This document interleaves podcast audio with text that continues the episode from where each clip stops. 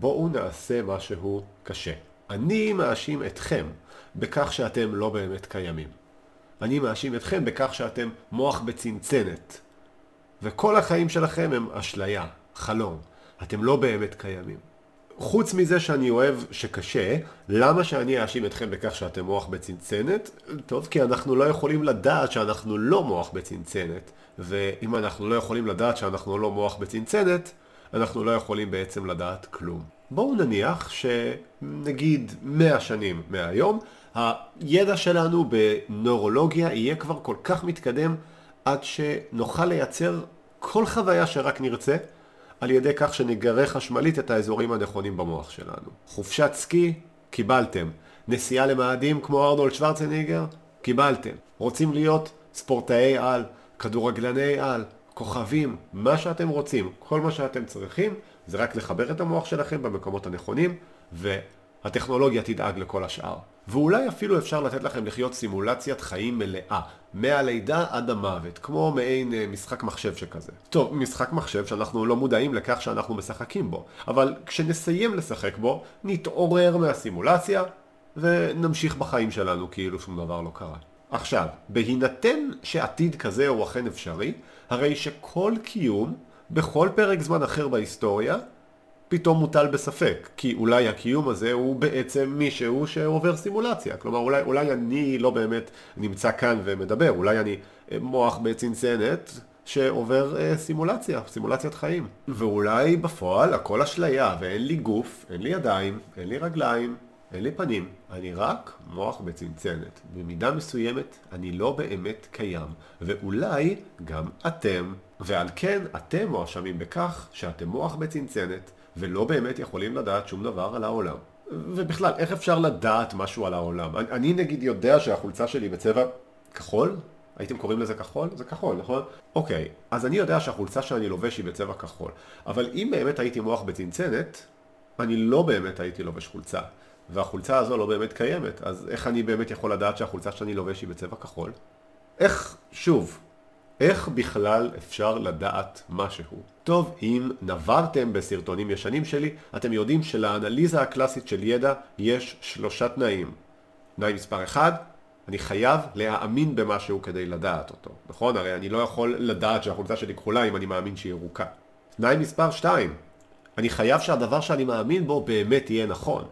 כי אם אני מאמין שהחולצה שלי ירוקה והיא בעצם כחולה, אני לא יודע שהחולצה שלי כחולה. תנאי מספר 3, אני צריך שהאמונה שלי תהיה מוצדקת, ותכף נתעכב על מה זה אומר. כלומר, ידיעה היא אמונה אמיתית, מוצדקת. בואו נשתמש בדוגמה רגע. נניח שאתם יודעים שיוסיין בולט שבר שיא עולם ב-100 מטרים של ריצה. אתם יודעים את זה כי אחד, אתם מאמינים בזה. אתם מאמינים שבולט שבר את שיא העולם ל-100 מטרים בריצה. אם הייתם מקבלים מכה חזקה בראש ומפסיקים להאמין בזה, אז גם כבר לא הייתם יודעים את זה. שתיים, אתם יודעים את זה כי בולט באמת שבר את שיא העולם בריצה.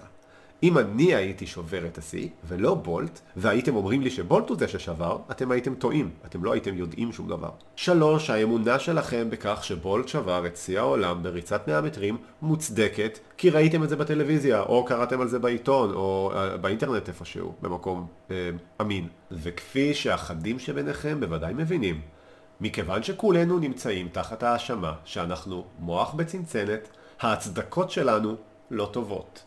כי אני לא יכול להיות מוצדק להאמין שבולט שבר את שיא העולם במאה מטרים, אם אני מוח בצנצנת, ואני לא באמת ראיתי אותו בטלוויזיה.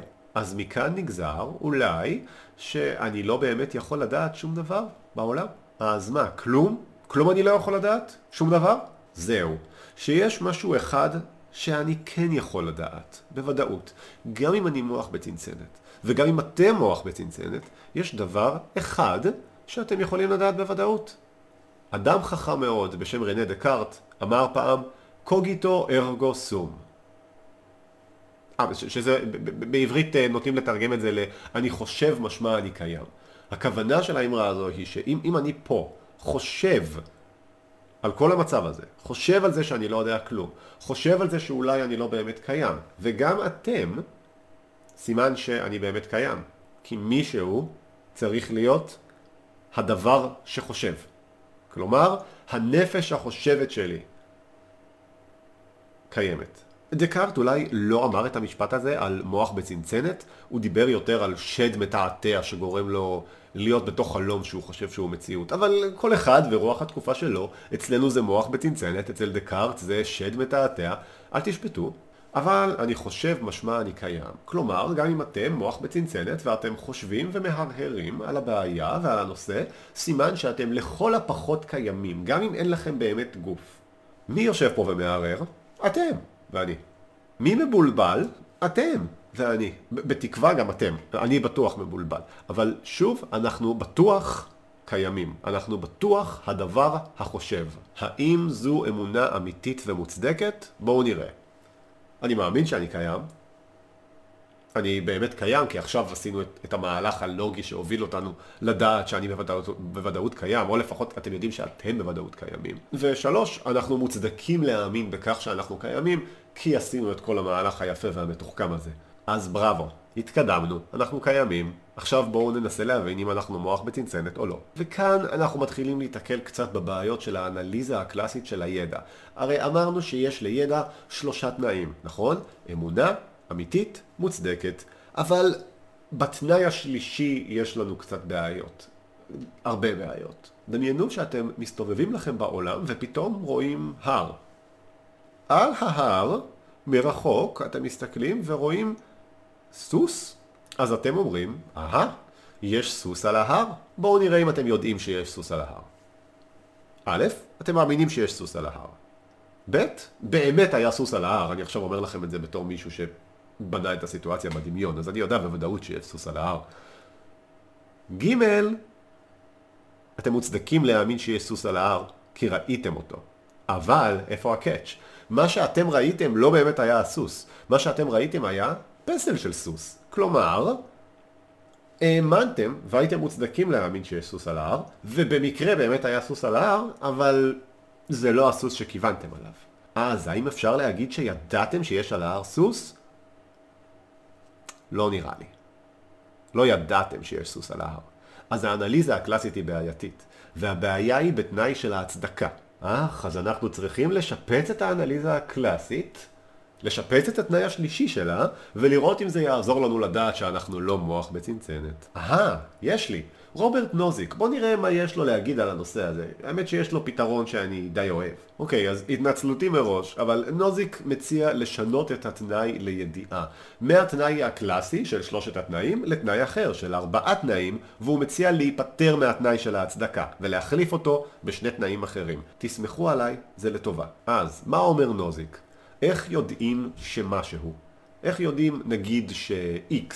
תנאי מספר 1, מאמינים ש-X. תנאי מספר 2, X באמת נכון. תנאי מספר 3, אם X לא היה נכון, לא היינו מאמינים ש-X. רגע, רגע, אז תנו לי לחשוב על זה רגע.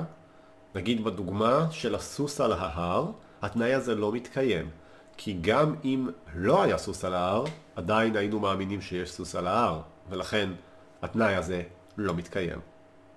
אז התנאי הזה די טוב, כי הוא אומר שלא באמת ידענו שיש סוס על ההר. תנאי מספר 4, אם x היה נכון, כן הייתם מאמינים ש-x. כלומר, תנאים 3 ו-4 החדשים נותנים לנו רגישות לערך האמת של הדבר שאנחנו מאמינים בו. כלומר, אנחנו צריכים להאמין בדברים בגלל שהם נכונים, ולא סתם כי במקרה אנחנו מאמינים בהם. אז בואו ננסה רגע לקחת את זה חזרה לכל הקטע של מוח בצנצנת. בואו נראה.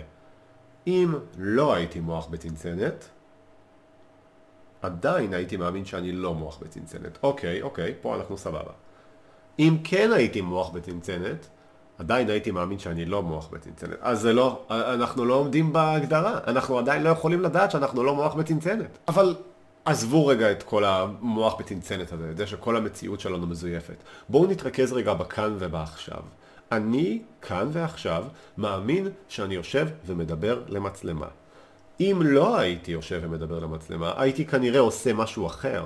אז האמונה שלי כן רגישה לעובדה שאני באמת יושב ומדבר למצלמה עכשיו. בתוך הקביעה שאני יושב ומדבר למצלמה נמצאת ההנחה הנסתרת שלפיה אני לא מוח בצנצנת. מה עושים עם זה?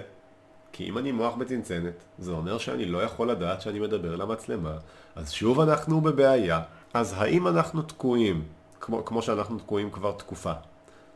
לא בהכרח. כי כפי שראינו עכשיו, יש לנו מעגלים של ידע. כלומר, יש לי את המעגל הראשוני של הידע, המעגל הקטן, שבמעגל הזה אני יודע שאני עכשיו מדבר למצלמה.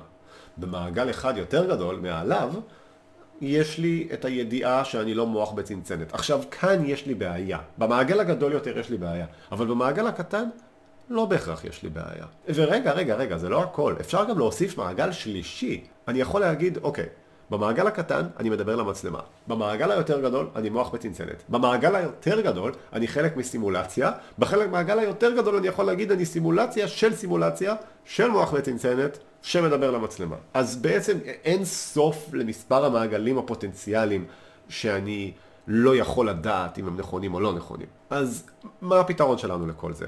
האמת יחסית פשוט, אחרי שהבנו כבר את כל מה שדיברנו עליו. בואו נגיד שאתם רוצים לדעת בוודאות שאתם יודעים שאתם צופים בי כרגע. אתם יכולים לדעת שאתם צופים בי כרגע, אבל אתם לא יכולים לדעת שאתם יודעים.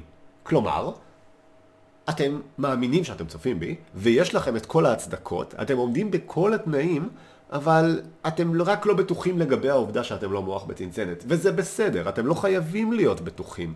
אולי אתם יודעים שאתם שומעים אותי, ואולי אתם לא יודעים שאתם שומעים אותי. אבל אם אתם באמת שומעים אותי, ואם אתם באמת לא מוח בצנצנת, אז אתם יכולים לדעת את זה, בלי לדעת שאתם יודעים. כלומר, אתם יודעים על העיגול הקטן שבאמצע, אתם לא יודעים לגבי שאר העיגולים, אתם לא יכולים לדעת לגביהם, אז אתם לא יכולים לדעת שאתם יודעים, אבל אתם עדיין יכולים לדעת. זה, שאת, זה שאתם לא יודעים שאתם יודעים, זה לא אומר שאתם, שאתם לא יודעים. אז אחרי כל הבלגן הזה, ואני מצטער על הבלגן הזה, מה יותר חשוב? לדעת או לדעת שאתם יודעים? בכל מקרה אני מבין שיכול להיות שהיו פה כמה חורים, אבל ניסיתי לעשות את זה כמה שיותר פשוט, באמת. מי שמתעניין בזה יותר, הנושא נקרא אפיסטמולוגיה, מהמילה אפיסטמה, ידע ביוונית, ולוגיה, כמובן, אה, שמגיע עם הרבה תחומים אחרים. אה, תודה שהייתם איתי, ונתראה בהמשך.